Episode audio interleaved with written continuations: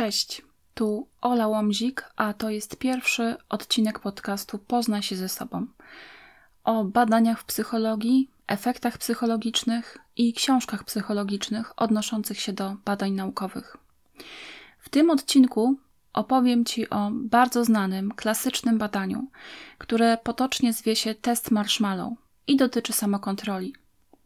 O tym, co tę cechę w nas buduje, czy jest ona stała, czy zmienna na przestrzeni życia, jakie struktury mózgu za nią odpowiadają i co można zrobić, by tę kontrolę zwiększać, ale też o przebiegu tego klasycznego badania z lat 60.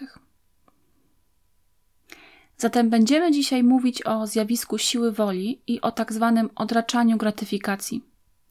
Omawiając te wszystkie kwestie, oprę się na książce Test Marshmallow o pożytkach płynących z samokontroli Waltera Michela. Czym zatem jest badanie testem marshmallow? Może zacznę od tego, czym w ogóle jest marshmallow. I tutaj cytując Wikipedię, jest to rodzaj pianek, które są wytwarzane z cukru, syropu glukozowego, żelatyny i wody. I pianki te wykorzystywane są do ozdabiania tortów czy jakichś różnych produktów cukierniczych, ale też do pieczenia na patyku nad ogniskiem. Marshmallow są formowane w walec albo w jakieś inne figury geometryczne. Bardzo często mają one kolor biało-różowy. Pierwsze marshmallow zostały wyprodukowane w 1948 roku w USA. W Polsce bardziej powszechną nazwą jest nazwa pianki cukrowe. I tak sobie myślę, że prawdopodobnie, jeśli urodziliście się mniej więcej wtedy co ja, czyli w latach 80., to być może znaliście je z amerykańskich filmów dużo wcześniej, zanim się pojawiły w polskich sklepach. Ale wracając do badania. Badanie to zostało przeprowadzone przez Waltera Michela i jego zespół w latach 60. w przedszkolu na Uniwersytecie Stanforda. Walter Michel wykładał psychologię na tym uniwersytecie, a jego trzy córki, Juliet, Rebecca i Linda, chodziły do przedszkola dla pracowników tego uniwersytetu. I to przedszkole nazywało się Bing Nursery School. Swoją drogą, warto chyba tutaj wspomnieć o tym, że Stanford University to jest prywatna uczelnia w Kalifornii, w Stanach Zjednoczonych, i jest to uniwersytet sklasyfikowany jako drugi najlepszy uniwersytet na świecie, tuż po Uniwersytecie Harvarda. Przedszkole, do którego uczęszczały córki doktora Michela, nie było zwykłym przedszkolem. I to nie tylko dlatego, że chodziły tam dzieciaki naukowców pracujących na Stanfordzie, ale dlatego, że było ono przystosowane i do edukacji, zabawy tych dzieci, ale też do pracy badawczej, ponieważ można tam było przeprowadzać różnego rodzaju badania z udziałem dzieci i można było obserwować bawiące się tam dzieci, na przykład przez lustra weneckie. Zatem była to taka placówka badawczo-edukacyjna. W tak zwanych pomieszczeniach badawczych można było dyskretnie przyglądać się zachowaniu dzieci w specjalnych kabinach. I tam właśnie przeprowadzono badanie zwane pod nazwą test marshmallow. Badanymi były dzieci. Proponowano im wybór pomiędzy otrzymaniem jednego słodycza od razu, albo też mogły poczekać i otrzymać kolejne dwie słodkości. To czekanie miałoby trwać około 15 minut i odbywać się w samotności.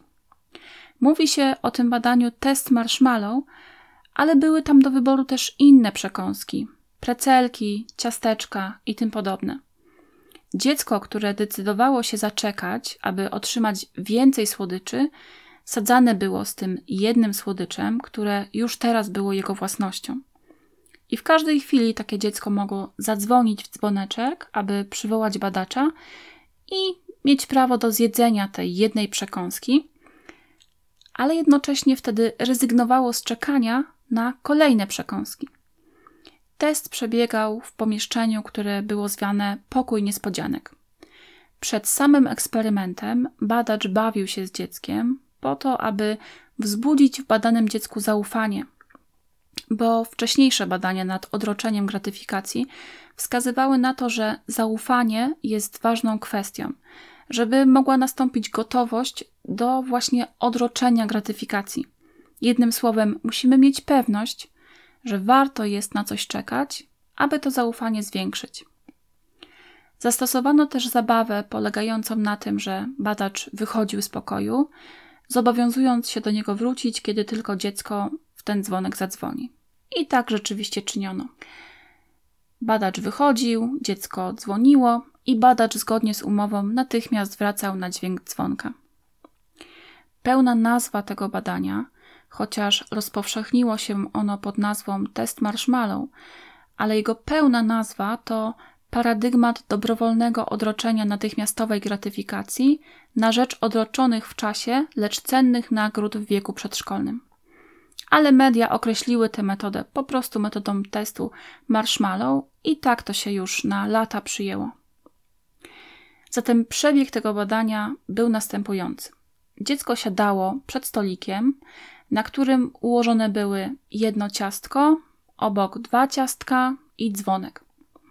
Badacz, którego dziecko poznało, bo bawił się z nim wcześniej, mówił mu tak: Słuchaj, idę teraz popracować. Zobacz na ten stolik.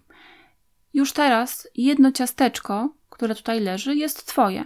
Będziesz mogła, mógł je zjeść, jeśli przywołasz mnie dzwoneczkiem i wrócę do pokoju. Jeśli jednak poczekasz, aż sam, sama wrócę, to dostaniesz dwa ciastka. Zostań proszę na krześle, bo każde zejście z krzesła czy użycie dzwonka wywołującego mnie albo zjedzenie ciasteczka wcześniej spowoduje, że nie otrzymasz nagrody, czyli dwóch ciasteczek. I następnie badacz mówił, że idzie popracować. Nie było go około 15 minut. Przywołanie badacza dzwonkiem lub zjedzenie któregoś ze słodyczy przerywało badanie. Zatem podczas badania dzieci zostawały same ze słodkimi przekąskami, no i z trudną decyzją do podjęcia. Zjeść jedno ciastko, czy poczekać i dzięki temu otrzymać więcej słodkości. I dla takiego dziecka, które zostawało w pokoju, patrzenie na leżące przed nim ciastka czy inne słodkości z pewnością stanowiło silną pokusę. Tych badań przeprowadzono wiele, z dużą ilością dzieci w różnym wieku. Mogły zatem one od razu oddać się przyjemności jedzenia, albo poczekać i odroczyć gratyfikację, ale za to uzyskać większą nagrodę w postaci większej liczby słodyczy. Ta umiejętność czekania na swoją nagrodę, kiedy się w coś angażujemy, nazywana jest w psychologii zdolnością odraczania – a tych, którzy nie potrafią w taki sposób wyczekiwać, psycholodzy nazwaliby osobami z małą zdolnością do odraczania gratyfikacji. Badaczy zainteresowało to, czy ta zdolność do odraczania przyjemności, jaką często określa się fajnie brzmiącym zwrotem odraczania gratyfikacji, jest już zainstalowana w naszych umysłach z chwilą, kiedy się rodzimy, czy też sami mamy wpływ na to, jaki poziom tej umiejętności będziemy posiadać. Czym jest tak zwana silna wola? Czy można ją wypracować, wzmacniać, czy też mimo naszych wysiłków jej poziom jest jakąś stałą wartością i nie możemy wpływać na niego? Możesz teraz zapytać: hmm, odraczanie gratyfikacji. Fakt, to brzmi ciekawie, ale co to ma wspólnego ze mną? Okazuje się, że ma. I to wiele. Czy kiedykolwiek mówiłaś, mówiłeś, nie potrafię odmówić sobie przyjemności. Łatwo ulegam pokusom. Albo mam słabą wolę. Albo muszę popracować nad silną wolą. I właśnie te wszystkie kwestie są powiązane ze zdolnością lub brakiem zdolności do odraczania gratyfikacji. Ale wracając do badania. Część z badanych dzieciaków była nagrywana, a w części badacze obserwowali zachowania dziecka poprzez lustro weneckie. No i dzieciaki zachowywały się tutaj bardzo różnie, kiedy próbowały powstrzymać się od natychmiastowego zjedzenia smakołyków. Jedne wierciły się na krześle, inne toczyły ze sobą na głos rozmowę na dwa głosy, gdzie jeden przekonywał do zjedzenia smakołyków, a drugi mówił nie rób tego. Były też takie dzieci, które usiłowały odwrócić swoją uwagę od słodyczy i takie, które intensywnie się w nie wpatrywały. Były takie, które czekały i takie, które pomimo prób nie były w stanie odczekać i kończyły badanie przywołując dzwonkiem badacza. Albo po prostu pomijały tę czynność i wcinały swoje ciastko czy piankę. Wymyślały też bardzo różne sposoby, żeby nie dać się i nie ulec pokusie. Badacze szczególnie zapamiętali jednego chłopca, który akurat był nagrywany podczas swojego badania. I był to sześcioletni Robert. Podczas badania był elegancko ubrany, w szkolną marynarkę, miał równo uczesaną fryzurę i po wyjściu naukowca natychmiast sięgnął po leżące przed nim ciasteczka i zaczął zjadać je w bardzo specyficzny sposób. Nie wiem, czy pamiętacie polską reklamę Oreo. Ja ją pamiętam, zawsze nieco mnie obrzydzała.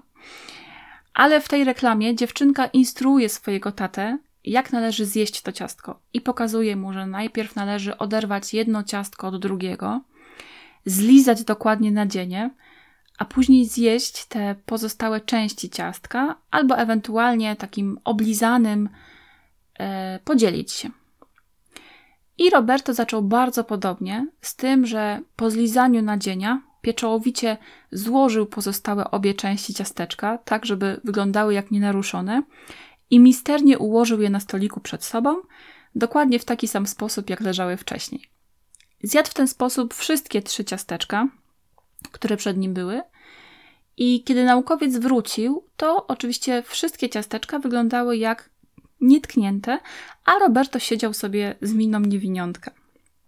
I Michel przytacza w swojej książce anegdotę o tym, że jednym z oglądających później to nagranie z Roberto był rektor renomowanej uczelni amerykańskiej. I kiedy to zobaczył, to krzyknął, że natychmiast da stypendium temu małemu, kiedy tylko będzie już gotowy, żeby zacząć studia. Ale wracając do badania. Badanie początkowo skupiało się tylko na ciekawości badaczy nad tym, co pozwala dzieciom odroczyć gratyfikację, czyli nie wziąć tej atrakcyjnej nagrody teraz i poczekać na większą. Ale kiedy Walter Michel je przeprowadzał, to poznał kolegów i koleżanki swoich córek, które przecież uczęszczały do przedszkola, w którym to badanie się odbywało. Zatem zdarzało się tak, że już po zakończeniu badań od czasu do czasu pytał swojej córki, z tak zwanej zwykłej ciekawości, co tam słychać u Sama, co tam u Kate, co porabia takie a takie dziecko. Pytał po prostu o dzieci, które pamiętał z tego badania.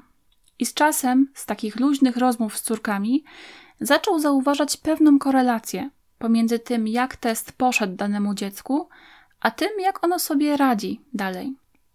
I to właśnie zainspirowało Waltera do zainicjowania badań podłużnych, które nazwane zostały stanfordskimi badaniami odraczania gratyfikacji. Nawiasem mówiąc, badania podłużne to są takie badania, które trwają jakiś czas, najczęściej kilka, kilkanaście lub nawet kilkadziesiąt lat. I w tych badaniach wracamy do badanych osób wielokrotnie po jakimś czasie, żeby zobaczyć, jak toczy się ich życie teraz, albo w jaki sposób zmieniają się czy rozwijają te wszystkie badane w nich jakości czy zjawiska.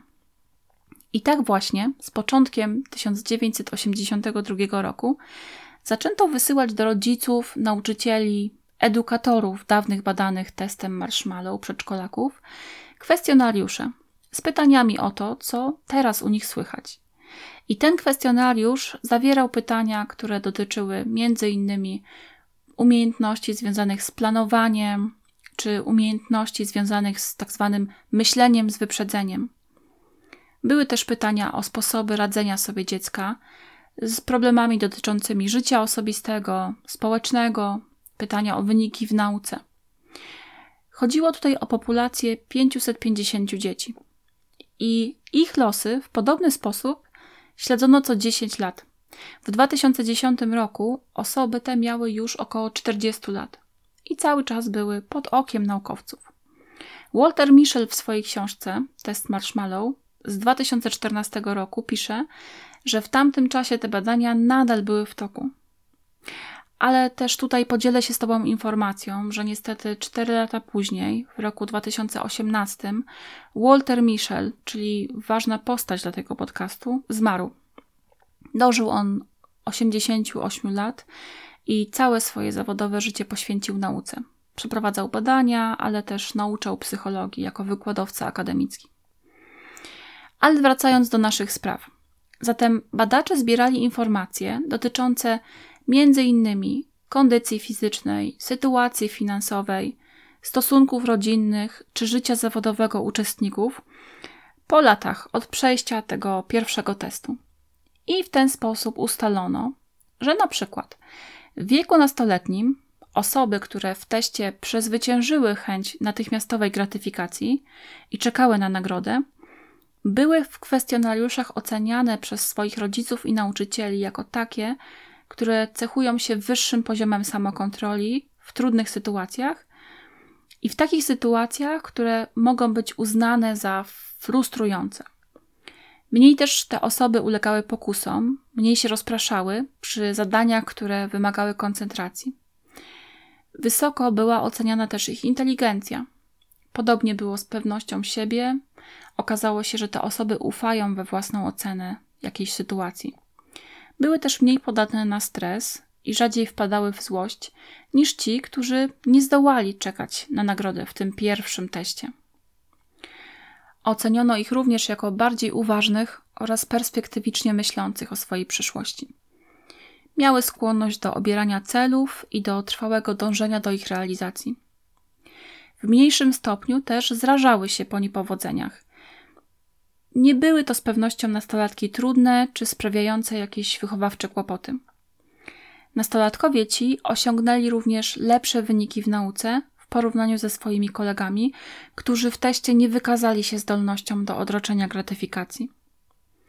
Jeśli zaś chodzi o dorosłe życie, to dalsza obserwacja uczestników badania ujawniła, że te osoby, które w teście czekały na nagrodę wytrwale i dążyły do swoich celów, miały wyższe wykształcenie, rzadziej używały alkoholu, papierosów czy innych szkodliwych dla zdrowia używek, a nawet miały niższą wagę ciała, czyli w dorosłości uniknęły nadwagi czy otyłości.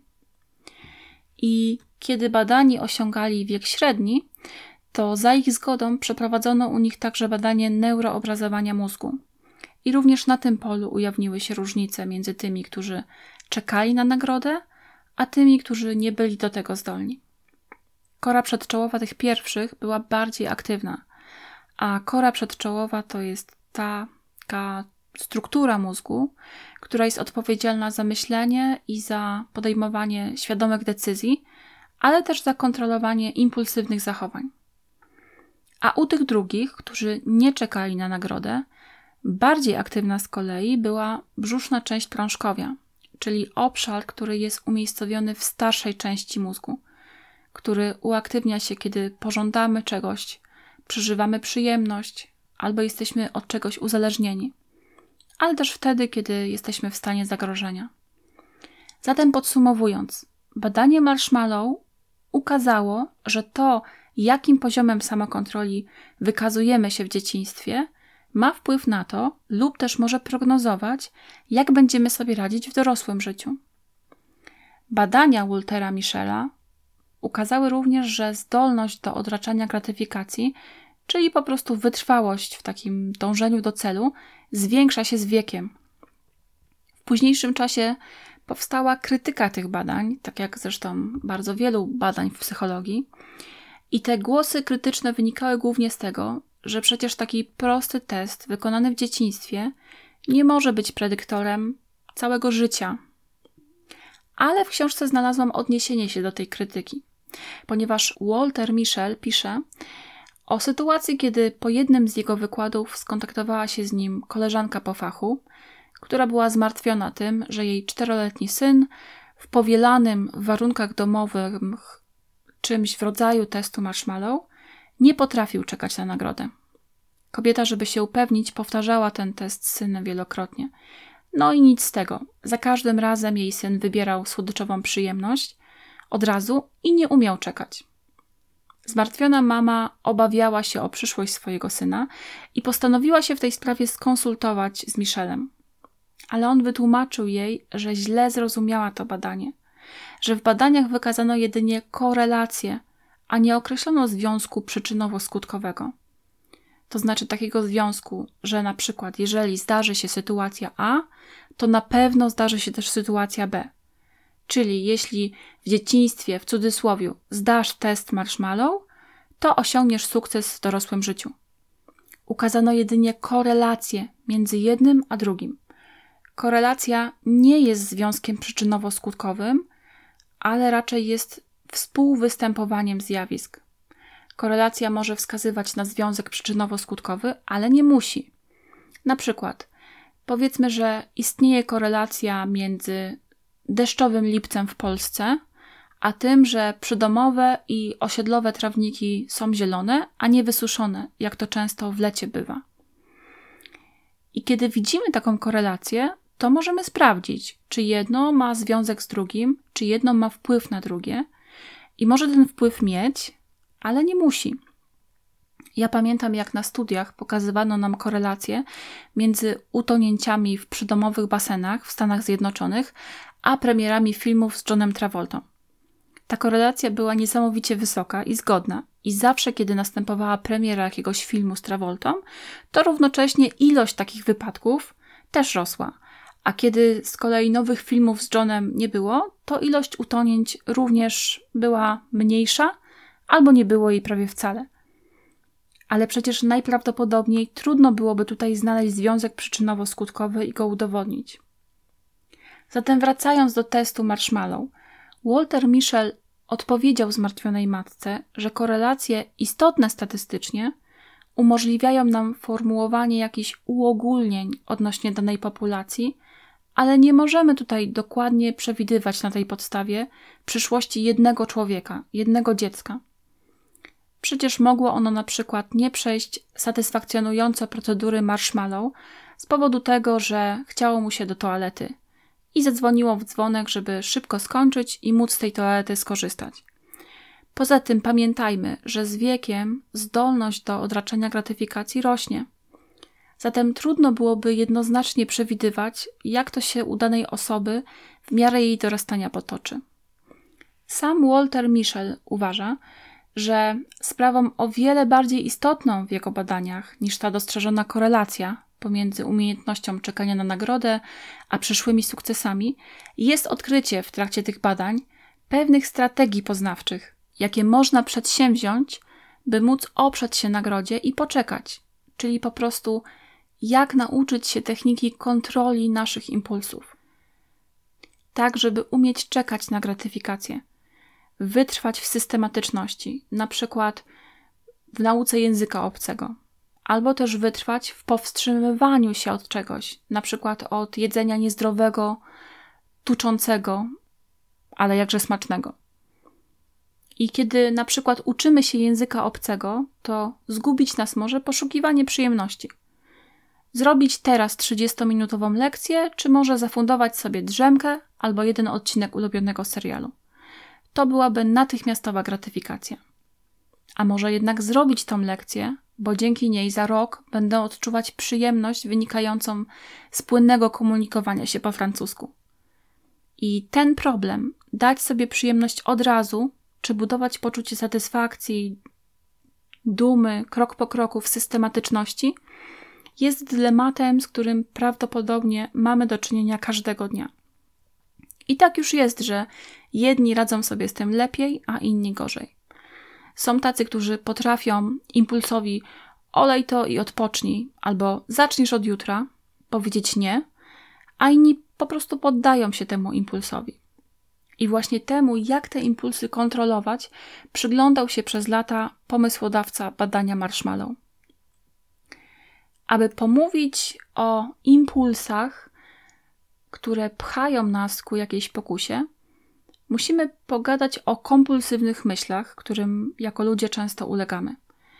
I warto się też przyjrzeć, jakie jest źródło tych kompulsywnych myśli. Otóż w naszych mózgach posiadamy struktury, które są nazwane układem limbicznym. W skład tego układu wchodzą na przykład ciało migdałowate, odpowiedzialne za odczuwanie trudnych emocji, czy też hipokamp, który odpowiada za pamięć. Ten układ limbiczny jest starą strukturą mózgu, a jednym z jego zadań jest dążenie do szybkiego zaspokojenia potrzeb, zaspokajania głodu czy pociągu seksualnego. Układ ten w odpowiedzi na bodźce reaguje szybko, automatycznie, bez zastanowienia. Dlatego też Walter Mischel nazywa go w swojej książce gorącym systemem albo gorącym myśleniem. Aktywizacja tego układu następuje automatycznie, niemal nieświadomie i wiąże się z potrzebą natychmiastowego działania, po to, żeby zaspokoić odczuwalny głód czy pożądanie czegoś, co atrakcyjne czy przyjemne, ale też, żeby w szybki sposób przeciwdziałać temu, co jest niebezpieczne. To właśnie te struktury mózgu są odpowiedzialne za nagłe porzucenie postanowienia o unikaniu słodyczy, bo na przykład nie mogliśmy się powstrzymać, widząc apetyczną jagodziankę czy cytrynową bezę. To, co może napędzać taką pokusę, to są bodźce, jakie wnikają do naszego wnętrza za pośrednictwem zmysłów, czyli smak, widok, zapach, dotyk czy odgłos pożądanej rzeczy czy zjawiska. No ale czasem bywa tak, że jednak potrafimy się im oprzeć. I potrafimy to zrobić dzięki innej strukturze, dzięki korze przedczołowej, która jest odpowiedzialna za myślenie, analizowanie, planowanie. To jest stosunkowo nowa część mózgu z punktu widzenia ewolucyjnego. To z tej części płyną myśli w stylu: Jeśli zjem tą jagodziankę, to później będę żałować i najprawdopodobniej nie osiągnę swojego celu, jakim jest zrzucenie dwóch kilogramów w tym miesiącu. Marshall nazywa takie myślenie myśleniem chłodnym, bo ono ostudzi gorący układ limbiczny, który chciałby wszystko mieć zaraz i natychmiast. Kora przedczołowa ma za zadanie schładzać gorące myślenie i potrzebę posiadania wszystkiego od razu. Kora przedczołowa potrafi dyskutować z kompulsywnymi myślami, znaleźć argument, dla którego ich podpowiedzi nie zawsze są dla nas korzystne. Zatem, jeśli nagle wpada ci do budżetu nieoczekiwanie 1000 zł i pojawia się w tobie dylemat, wydać te pieniądze teraz czy oszczędzić na emeryturę, to prawdopodobnie już wiesz, że pierwsza część tego zdania jest gorąca. Wydam te pieniądze teraz na przyjemności, na wycieczkę, na nowy rower. A druga, oszczędzę na emeryturę, to jest chłodzące działanie kory przedczołowej. To, co jest tutaj ważne, to to, że system gorący aktywizuje się od razu i od razu pcha nas do działania, a system chłodny jest wolniejszy, wymaga zastanowienia, refleksji. I teraz chyba zupełnie innego znaczenia może nabierać powiedzenie szybciej robi niż myśli, prawda? Wiemy już, że taka osoba najprawdopodobniej jest pod silnym wpływem własnego układu limbicznego, a chłodzące działanie jej kory przedczołowej następuje z pewnym opóźnieniem, albo w ogóle nie następuje. Niestety często dzieje się tak, że w czasie, gdy jesteśmy pod wpływem stresu, to ten nasz chłodny system nie domaga. Michel pisze o tym wprost, że tracimy zdolność do posługiwania się tym chłodnym, analitycznym, zdającym sobie sprawę z konsekwencji dalszych działań systemem, właśnie wtedy, kiedy jest on nam najbardziej potrzebny, czyli właśnie w chwili stresu. Pomyśl proszę o tym, jak wiele niekorzystnych dla siebie decyzji podejmujemy właśnie pod wpływem stresu. Kompulsywne zakupy, obiadanie się, palenie papierosów czy wdawanie się w kłótnie to są tylko niektóre z nich. I dzieje się tak dlatego, że przewlekły stres upośledza naszą korę przedczołową i jej funkcje. Zatem posiadamy te dwa systemy neuronalne chłodny i gorący. I działają one jakby naprzemiennie, więc kiedy jeden staje się bardziej aktywny, no to poziom aktywności drugiego spada. I co też jest ciekawe, to to, że dla jednego człowieka to, co jest gorące, to dla innej osoby może być chłodne. Na przykład pokusy związane z alkoholem. Jednej osobie trudno się oprzeć, a druga kompletnie nie używa tej substancji i może przejść koło niej zupełnie obojętnie. Pytaniem, które z pewnością jest warte powstawienia w tym miejscu, to jest to, jaki mamy na to wpływ i co w tej mechanice naszego mózgu zależy od nas, a co nie. Zacznę może od tego, co nie jest od nas zależne, i pewnie nikogo to nie zdziwi, że powiem teraz dzieciństwo. Niestety tak już jest, że niemowlęta są podatne na uszkodzenia w swoich neuronalnych systemach pod wpływem silnie trudnych doświadczeń, na przykład związanych z zaniedbaniem albo krzywdzeniem ze strony opiekunów. Bo to się wiąże z doświadczeniami silnego stresu. I niestety takie okoliczności są rejestrowane i są zapisywane w naszym systemie gorącym. Tego typu zdarzenia mogą wpisywać się w architekturę mózgu dziecka i mieć wpływ na podejmowane w dorosłości decyzje, ale też móc oddziaływać na treść całego życia. I z tego powodu bardzo ważne jest to, żebyśmy dbali o nasze i nie tylko nasze dzieci, i o to, żeby one miały dobre dzieciństwo.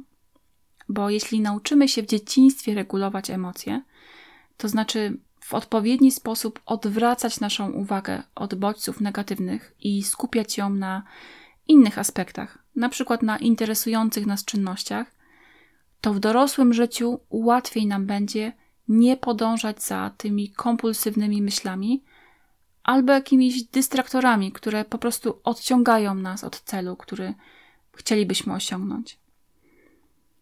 Niestety nie mamy zbyt wiele wpływu na treść naszego dzieciństwa, bo w tamtym okresie życia jesteśmy w pełni zależni od naszych opiekunów. Kolejny aspekt samokontroli również wiąże się z doświadczeniami z przeszłości, bo jeśli dotychczas nasze życie układało się tak, że zaufanie, które pokładaliśmy w innych ludziach, było pokładane w nich bezpodstawnie, czyli ci ludzie nas zawodzili, albo też nasze życie układało się do tej pory tak, że byliśmy kimś w rodzaju przysłowiowych pechowców, to może być tak, że perspektywa czekania na coś, budowania czegoś powoli, nie wydaje nam się zbyt pewną inwestycją. Bo przecież po drodze ktoś znów nas może zawieść, coś może pójść nie tak, więc nie ma co czekać na realizację tych celów, tylko po prostu łapać to, co jest pod ręką. I takie myślenie w stylu pojadę na wycieczkę zamiast odłożyć na emeryturę, bo przecież jak odłożę te pieniądze, to bank na pewno mnie oszuka, albo będzie denominacja i wszystko stracę, albo w ogóle nie dożyję emerytury. To taki sposób myślenia z pewnością nie sprzyja realizacji jakichś długofalowych celów.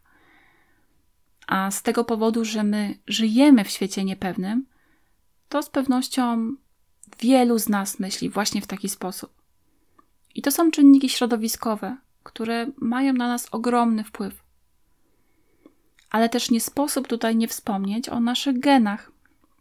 Naukowcy są przekonani, że zarówno geny, jak i środowisko mają na nas ogromny wpływ i niepodobno powiedzieć, który z tych dwóch czynników ma ten wpływ większy, a który mniejszy. I jest takie słynne zdanie z tym związane, które ja po raz pierwszy usłyszałam na pierwszym roku studiów psychologicznych. Kiedyś kanadyjskiego psychologa Donalda Heba zapytano, co oddziaływuje na nas silniej, geny czy środowisko? I on odpowiedział w taki sposób. A co w większym stopniu determinuje wielkość prostokąta? Jego długość czy szerokość? To oznacza, że wpływ ma i jedno, i drugie. Po prostu. I nie jesteśmy w stanie określić procentowego udziału oddziaływania każdej z tych składowych na to, kto rozwinie w sobie jakie cechy. Ale to, co wiemy na pewno, dzięki badaniom przeprowadzonym głównie z parami bliźniąt jednojajowych, czyli mających to samo DNA, ale wychowujących się w różnych środowiskach, to to, że mamy w sobie geny, które drzemią w nas uśpione przez całe życie i nigdy mogą się nie ujawnić, bo nie ma ku temu bodźców ze środowiska. Ale są też takie geny, które podlegają ekspresji, czyli włączeniu się właśnie poprzez jakieś okoliczności, jakie nas w toku życia spotykają. Przykładowo, osoba z wrodzonymi genetycznymi skłonnościami do agresji może zupełnie nie przejawiać takich cech, bo wychowywała się w łagodnym, wspierającym środowisku, które było pozbawione wzorców opartych na przemocy. Ale może być też tak, że jakaś trudna sytuacja związana z silnymi i trudnymi emocjami uaktywni ten gen i taka osoba w którymś momencie swojego życia taką skłonność do agresji zamanifestuje. To tak jakby środowisko mogło włączać i wyłączać geny, które w nas są. I czasem ulegają one włączeniu, a czasem są uśpione przez całe życie danej osoby. Tak samo zresztą może być z samokontrolą. I wymieniłam tutaj te aspekty samokontroli, na które nie mamy wpływu. Chociaż ważne jest chyba to, żeby tutaj wspomnieć, że kiedy jesteśmy dorośli, no to już mamy coraz większy wpływ na zarządzanie naszym środowiskiem. Ale oczywiście nasza osobowość silnie kształtuje się w dzieciństwie, czyli w czasie, kiedy ten nasz wpływ jest raczej znikomy. Ale okej, okay, przejdźmy teraz do tego, co my możemy robić i na co ten wpływ mamy. Walter Mischel podaje w swojej książce pewien sposób na to, dosyć sprytny sposób, za pomocą którego możemy nieco oszukać nasz system gorący, czyli ten, który zwykle podpowiada nam zachowania oparte na szybkim zaspokajaniu wszelkich pokus. A mianowicie, jak już wcześniej tutaj mówiłam, ten system działa bez zastanowienia, automatycznie, odruchowo. Zatem wszelkie nawyki, jakie w sobie wykształciliśmy, wszystkie automatyzmy również przychodzą pod jego jurysdykcję. No i takimi nawykami możemy trochę pozarządzać i tworzyć je z pełnym rozmysłem. Kreować je w taki sposób, żeby były one korzystne dla realizacji naszych planów, naszych zamierzeń i żeby sprzyjały naszej samokontroli. Na przykład mogę ustalić sama ze sobą, że robię research do tego podcastu codziennie przez półtorej godziny i że za każdym razem, gdy w tym czasie coś mnie rozproszy, to nie będę przerywać pracy. Nie odczytam SMS-a, który właśnie przyszedł, nie pójdę zrobić sobie kanapki, kiedy poczuję delikatny impuls głodu, nie ulegnę myśli, że właśnie teraz powinnam robić pranie. Początkowo to może być trudne do wykonania, szczególnie wtedy, kiedy nie mam w zwyczaju pracować w taki konsekwentny i zaplanowany sposób. A rzeczywiście, ja nie mam takiego zwyczaju. I to niezareagowanie na pokusę, na przykład sprawdzenia telefonu, co tam w nim nowego, wymaga uruchomienia chłodnego systemu postrzegania za każdym razem, kiedy się taki rozpraszacz pojawi. Ale z czasem powtarzanie tego powstrzymywania się od odrywania się od pracy staje się coraz bardziej automatyczne. I to właśnie sama czynność powtarzania nam to ułatwia i automatyzuje. Bowiem to, co jest powtarzane, z czasem staje się nawykiem. Zatem przychodzi do systemu gorącego, w którym nie trzeba się już kontrolować, rzeczy po prostu się dzieją i to dzieją się szybko. Gdy tak właśnie się stanie, gdy taki nawyk w naszym systemie limbicznym się zakorzeni, to odruchowo nie pozwolimy dać się rozproszyć w trakcie pracy. Kolejną korzyścią z takiego wymyślania procedur na wypadek komplikacji, które mogą się pojawić na drodze do sukcesu, jest coś w rodzaju wcześniejszego zaplanowania naszych trudności, co pozwala lepiej sobie nam z nimi poradzić. I najczęściej, kiedy zaczynamy pracę nad celem, czy jakieś nasze zaangażowanie w dany projekt, to częściowo potrafimy przewidzieć, co może pójść nie tak. Na przykład, zaczynam regularnie biegać. Hmm, co może pójść nie tak? No, na przykład, będzie padał deszcz, albo nie będzie mi się chciało. To co mogę z tą wiedzą zrobić? Na przykład to, Ustalam sama ze sobą, że jeśli będzie padał deszcz, to idę biegać, bo biegam bez względu na pogodę. Jeśli natomiast tuż przed treningiem pojawią się myśli, że mi się nie chce, to pójdę biegać mimo to i bez względu na te myśli. Ta technika jest nazywana jeżeli to, albo inaczej planami implementacyjnymi. Jeśli tylko powtarzamy to, co sobie w nich założyliśmy, to z czasem nasza reakcja idę biegać bez względu na pogodę, albo nasz brak reakcji, nie zwracam uwagi na negatywne, przeszkadzające myśli, wymagają coraz mniej wysiłku, bo tworzy się w nas nowy automatyzm. To, co warto zrobić, jeżeli chcemy pracować z planami implementacyjnymi, to zdefiniować również swoje stresowe punkty zapalne, pamiętając o tym, że stres będzie osłabiał naszą zdolność do samokontroli i naszą skłonność do wdrażania tych implementacyjnych planów.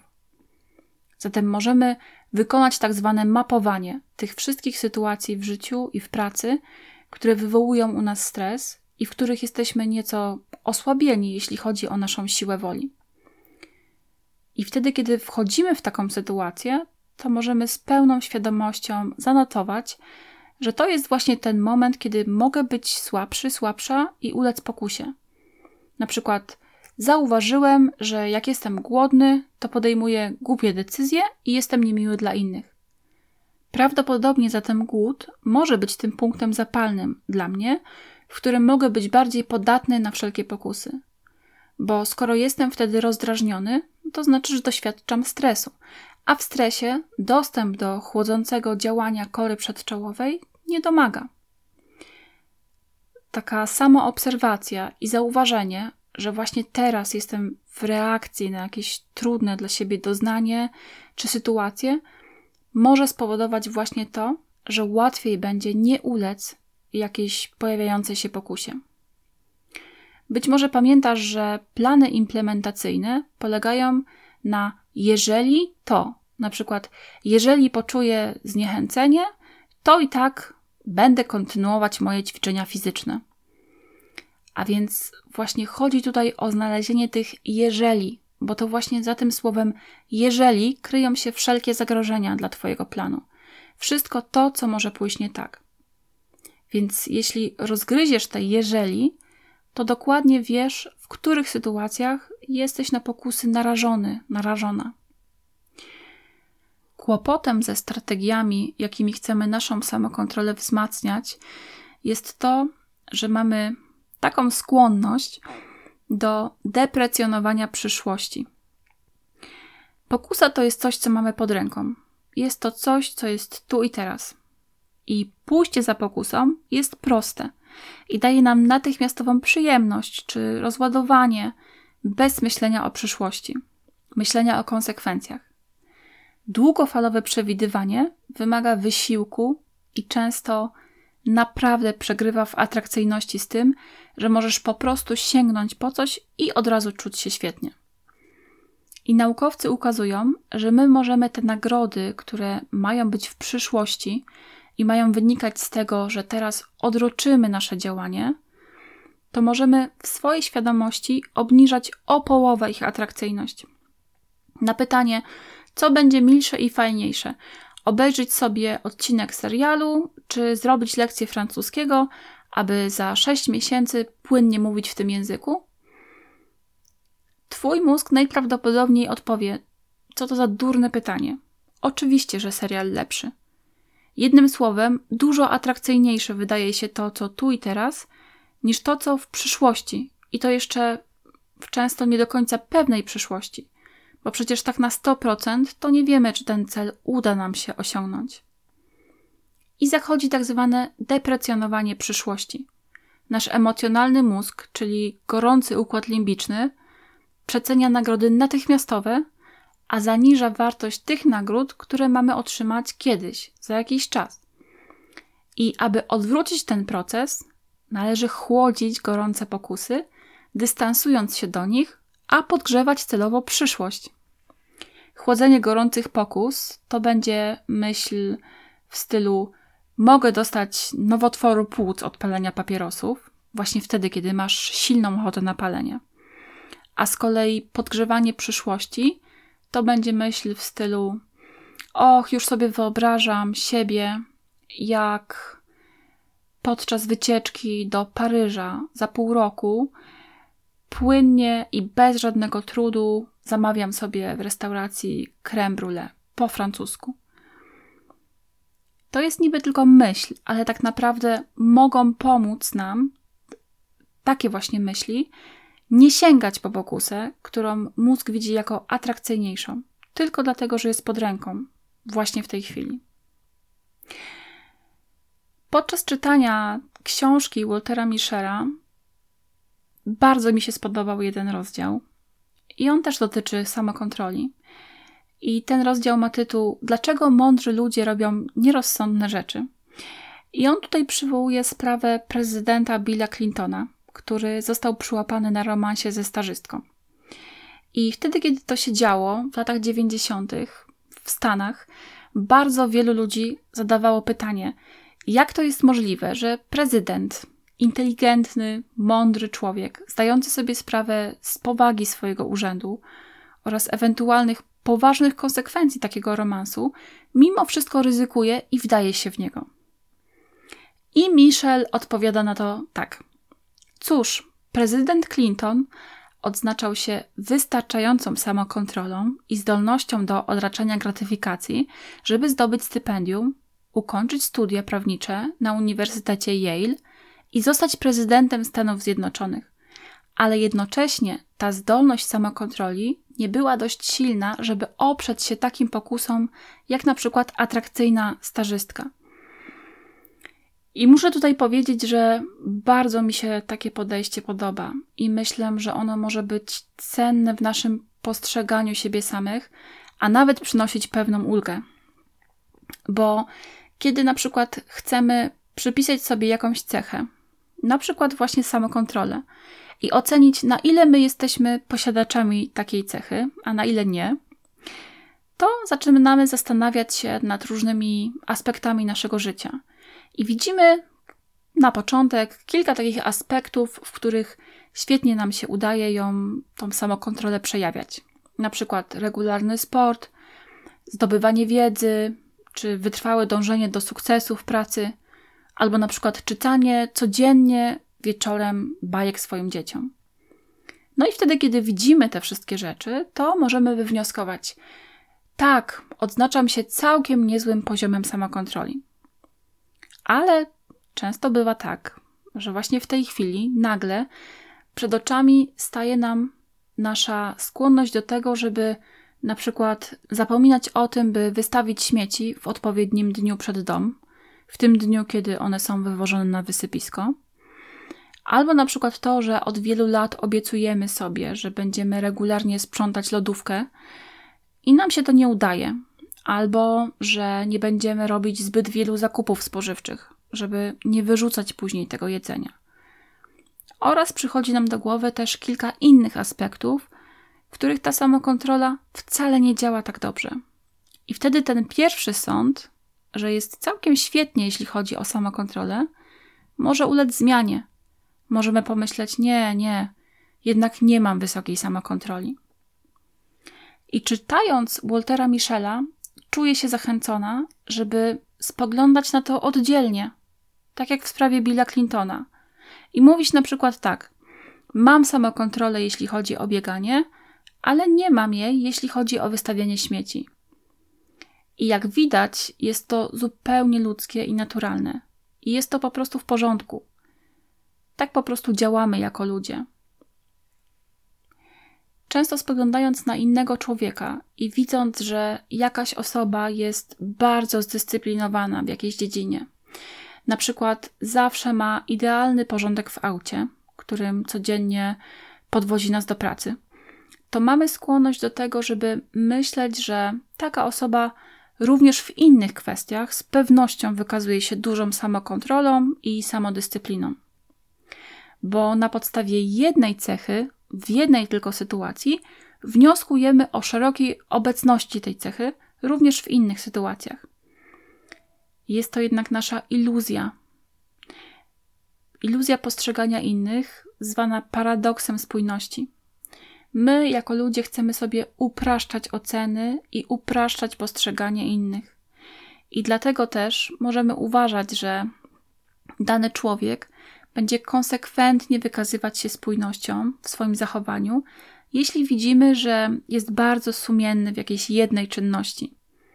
Na przykład dana osoba jest bardzo sumienna w ogarnianiu czystości dookoła siebie i zawsze ma poukładaną i posprzątaną przestrzeń w swoim domu.